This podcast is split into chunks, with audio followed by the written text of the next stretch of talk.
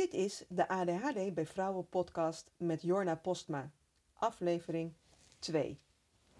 Deze tweede aflevering gaat over ADHD en relaties. En dan specifiek de relatie met een levenspartner. Aan een relatie met je partner moet je altijd werken, ongeacht of een van de twee ADHD heeft. Dat is natuurlijk voor iedereen hetzelfde. Maar als een van de twee ADHD heeft, of misschien wel allebei, is dat wel echt een factor om rekening mee te houden binnen een relatie. En is het onderhouden van een relatie misschien wel een grotere uitdaging dan als er geen ADHD in het spel is. En misschien is dit voor jou ook wel een lastig om te accepteren dat als een van de twee ADHD heeft, dat dat een grote rol speelt in relaties. Want misschien zie je het zelf helemaal niet zo als jij degene bent met ADHD. En misschien ziet je partner het ook wel niet zo dat het ADHD is waar hij of zij tegenaan loopt en niet jouw karakter. Hier gaan we verderop uitgebreid op in. Laten we eerst beginnen bij het begin. Verliefd worden. Ja, verliefd worden is natuurlijk fantastisch en leuk en gemakkelijk en aan de andere kant ook weer verschrikkelijk. En het is of er nu ADHD in het spel is of niet. Verliefd worden als je ADHD hebt, heeft als voordeel dat je dan automatisch al meer dopamine aanmaakt. In aflevering 1 heb ik uitgelegd dat je bij ADHD van nature al minder dopamine aanmaakt. En zo'n extra dopamine kick als je verliefd wordt is dan juist natuurlijk heel erg fijn. En dit werkt bij alle mensen zo. En bij ADHD misschien nog wel een stukje erger.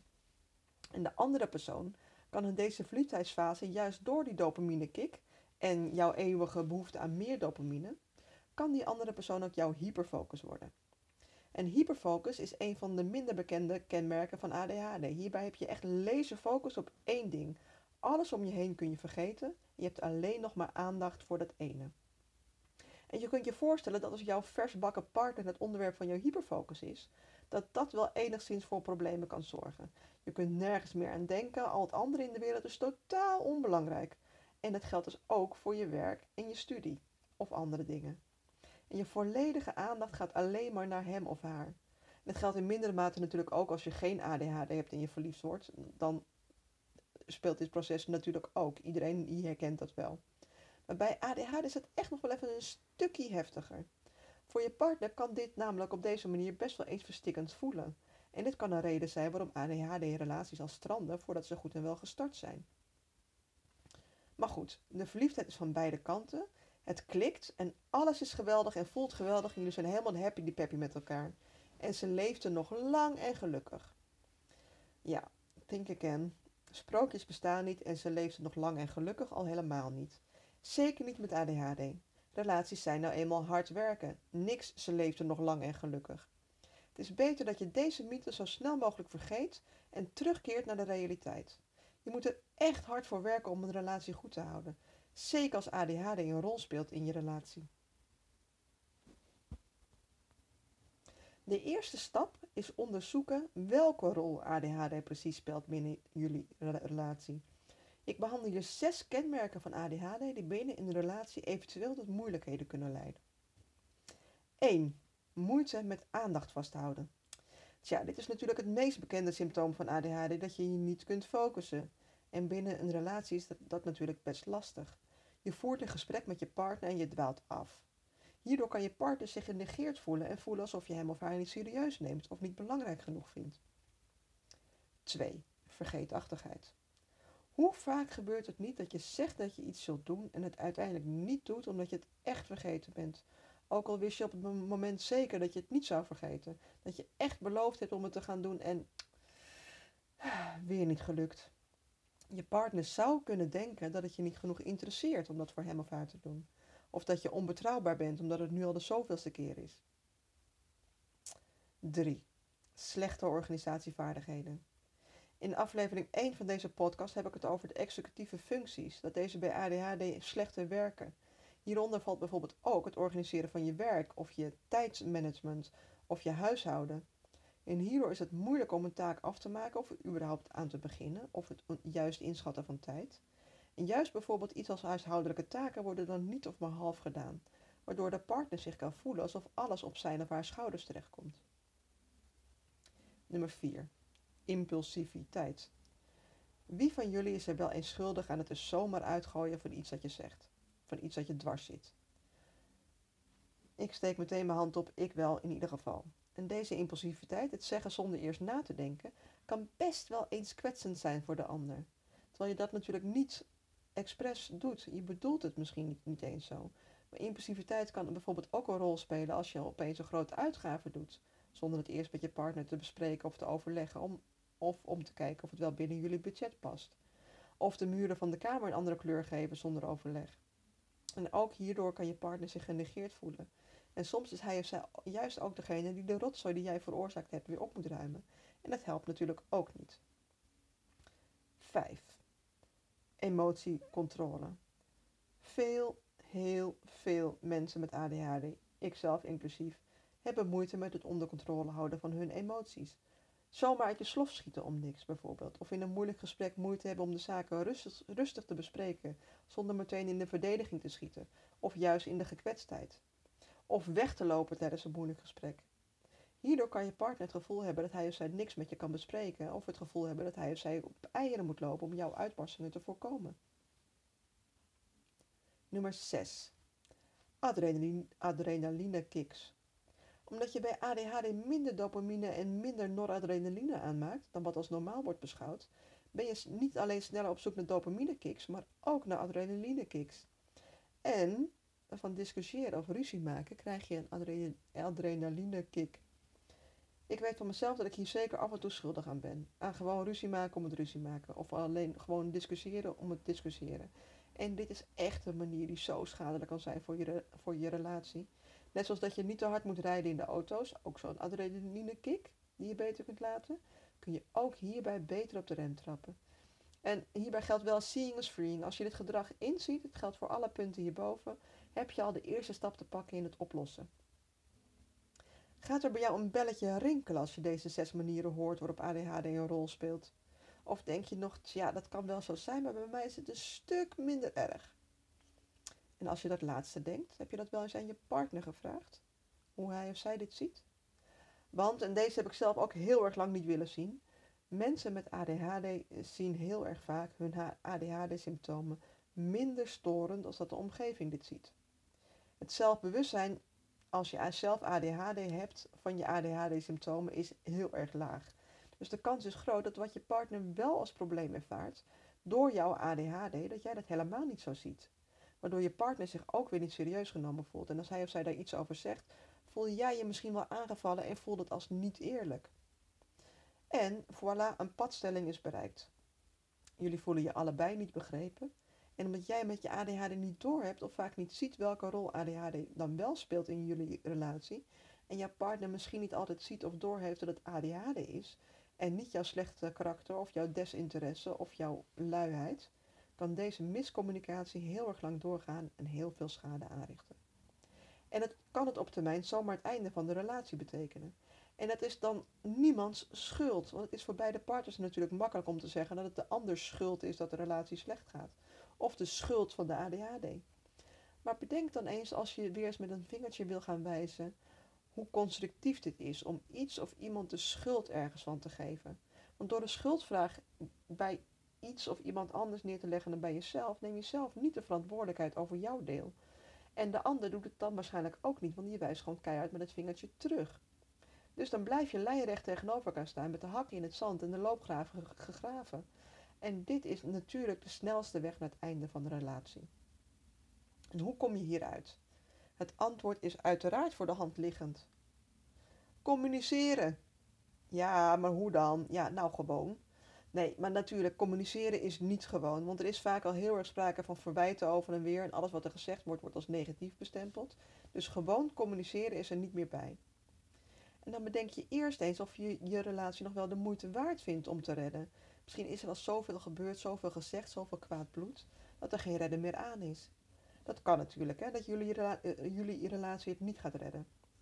Neem dan wel het idee mee dat als je niet leert communiceren, dat als je niet leert om verantwoordelijkheid te nemen voor jouw eigen stuk in het stranden van de relatie, als je niet leert om de schuldvraag weg te laten, als je niet accepteert dat een deel van het stranden van jullie relatie ligt aan jou en aan jouw ADHD-symptomen, dat dan je volgende relatie een hele grote kans heeft om in dezelfde situatie terecht te komen. Dan kun je dat maar beter nu meteen leren, toch? Dan kun je, je relatie nu mee redden. Of, of, als dat niet meer mogelijk is, kun je nu de relatie wel op een beschaafde en volwassen manier beëindigen. Maar hoe doe je dat dan, dat communiceren? En eigenlijk is het antwoord hierop ook weer verrassend simpel. Dat doe je gewoon door je relatie belangrijker te vinden dan je eigen ego. Door te bedenken hoe het voor je partner is om met jou samen te leven. Om te bedenken hoe het voor jouw partner is om met jouw ADHD-symptomen om te moeten gaan. Door daar met elkaar over te praten en niet tegen elkaar. Rustig en zonder verwijten. Door tijd voor elkaar uit te trekken en echt met elkaar samen te zijn. Zonder afleiding. Door te praten over hoe het voor jou is. En te gaan luisteren, echt luisteren hoe het voor je partner is. En dat klinkt natuurlijk veel simpeler dan, het in, dat, dan dat in de, in de praktijk is. Want die hakken staan in het zand en je voelt je aangevallen en je ego staat aan het roer, zowel bij jou als bij je partner. Maar hoe kun je dit dan omdraaien als het gaat om je ego aan de kant zetten? Wat is er dan belangrijker? Jou gelijk halen of je relatie redden? En soms zegt je ego gewoon van ja, gelijk halen natuurlijk. Maar dan, daar win je dus inderdaad de oorlog niet meer mee. Door kosten wat kosten je gelijk te willen halen, win je misschien de slag, maar dan verlies je de oorlog. Dan kost het je je relatie. En is dat het waard? En soms kan het echt wel voelen als een principe kwestie. Dat jij gaat staan voor jouw principes en daar niet vanaf te brengen bent. Je hebt een ontzettend groot rechtvaardigheidsgevoel en je hebt het gevoel dat jouw onrecht wordt aangedaan. En daar verzet je je met hand en tand tegen. Maar als je sec en objectief naar de situatie kijkt, wordt jou dan wel echt onrecht aangedaan of voelt het alleen maar zo? Je voelt je aangevallen, maar word je ook echt aangevallen? En soms is dat, dat natuurlijk wel zo. Hè? Onze partners zijn ook maar mensen en niet menselijk is ook hun vreemd. Natuurlijk kunnen zij in een ruzie ook dingen zeggen die echt alleen maar bedoeld zijn als aanval en echt alleen maar bedoeld zijn om te kwetsen. Dat gebeurt in elke relatie wel eens. Niet netjes, maar het gebeurt. Maar jij hebt zelf de keus hoe je hiermee omgaat. Of je dan in de tegenaanval gaat en het dus van kwaad tot erger gaat. Of dat je je relatie op dat moment belangrijker maakt dan je ego. It's not about you. Het gaat niet om jou, het gaat om jouw relatie. Het gaat zelfs niet over jou. Het gaat over wat je partner nodig heeft van jou in jullie relatie en andersom.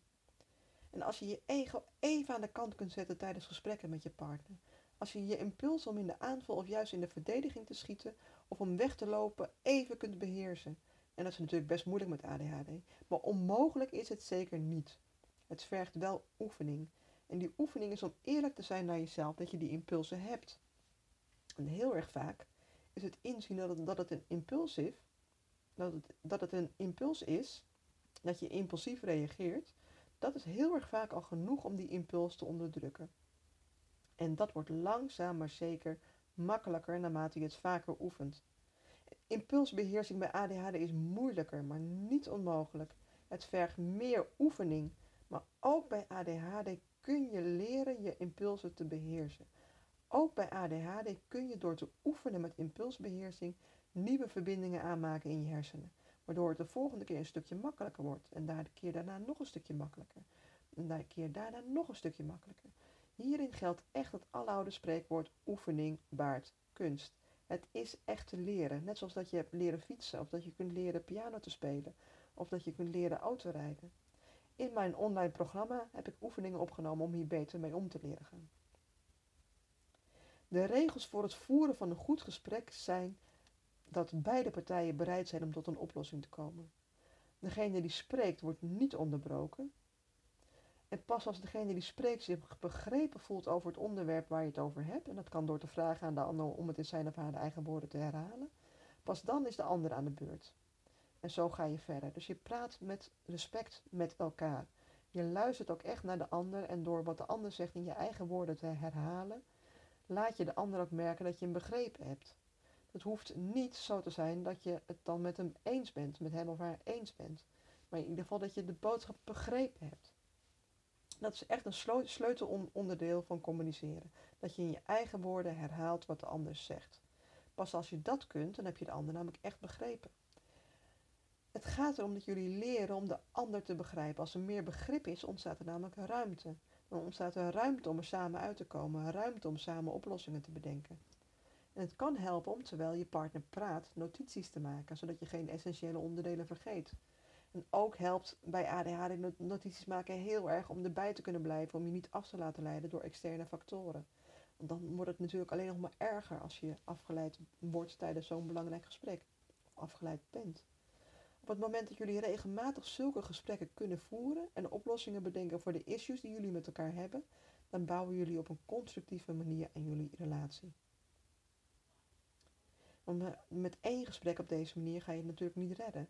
Het gaat er echt om dat je op een constructieve manier met elkaar leert communiceren.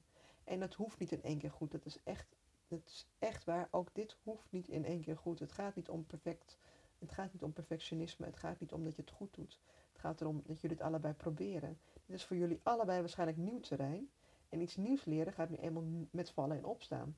Zo simpel is het. En fout hier, maken hierbij is menselijk. En als je er van tevoren ook alvast van uitgaat dat er fouten gemaakt worden, dat jullie allebei niet perfect zijn, dat je dan dit ook niet van elkaar verwacht. Als de ander de mist in gaat, geef dan rustig feedback en de ander het vertrouwen dat het de volgende keer wel goed gaat. Op dezelfde manier waarop jij feedback en het vertrouwen van jouw partner wil hebben. Werk samen als een team. Alleen maar omdat een van de twee ADHD heeft, betekent dit niet dat je geen gelijkwaardige en fijne relatie kunt hebben. Leren om samen te werken als een team is hierin heel erg belangrijk, waarin beide partners geven en nemen en beide partners evenveel energie stoppen het welslagen van de relatie en elkaar ondersteunen waar nodig. Communiceer met elkaar welke zaken jullie belangrijk vinden in, in een relatie. Gooi alles op een hoop en verdeel de taken. Waar ben jij goed in en de ander minder goed en andersom. Kom je er samen niet uit omdat jullie alle, allebei ergens niet zo goed in zijn, kijk hoe je dan hulp van buitenaf kunt inschakelen om het toch voor elkaar te krijgen. Voor mij persoonlijk is het gebruiken van een bullet journal een uitvinding geweest hierbij. Op uh, mijn website www.yourjoy.nl, behorende bij deze podcast, staat een link naar gratis mini-cursus hoe je een bullet journal kunt gebruiken als je ADHD hebt. Dit klinkt natuurlijk allemaal best wel zakelijk, dat je je relatie als een zakelijke onderneming moet organiseren om het te laten slagen. En natuurlijk is die organisatie heel erg belangrijk. Want als jullie precies van elkaar weten wat je van elkaar verwacht en ieder zijn of haar afspraken nakomt, dan wordt aan veel van de basisbehoeften binnen een relatie voldaan. De basisbehoefte om gezien te worden en gehoord te worden en begrepen te worden en serieus genomen te worden. Maar een andere hele belangrijke basisbehoefte is natuurlijk intimiteit. En dat wordt vaak zo makkelijk vergeten, want we zijn allemaal, allemaal gewoon heel erg druk. In het geval van ADHD is je hoofd natuurlijk sowieso heel erg druk. En we zitten toch wel heel erg vaak op die telefoon zogenaamd te communiceren met mensen via social media of WhatsApp. Dat we vaak vergeten dat onze partner vlak bij ons is. En je vergeet met hem of haar te communiceren of echt contact te maken. Want jullie zijn allebei moe en willen allebei even ontspannen. Maar doe die tv eens uit. Knuffel, kus, praat met elkaar. Praat de dag door met elkaar. Verbind je met elkaar in plaats van met de telefoon of computer. En net als met alles geldt, ook voor je relatie, Strive for progress, not perfection. Ging het vandaag niet goed? Je kunt altijd beslissen om opnieuw te beginnen. En laat die oude koeien dan alsjeblieft in de sloot. Een goede relatie is nou eenmaal hard werken en de ene keer gaat het wat gemakkelijker dan de andere keer. Wees mild voor jezelf en wees mild voor de ander als het een keer wat minder soepel gaat. Want uiteindelijk wil je allebei hetzelfde, namelijk een fijne relatie. En dat is en blijft werk in uitvoering. Succes! Volgende week gaat de podcast over ADHD en moederschap. Tot dan!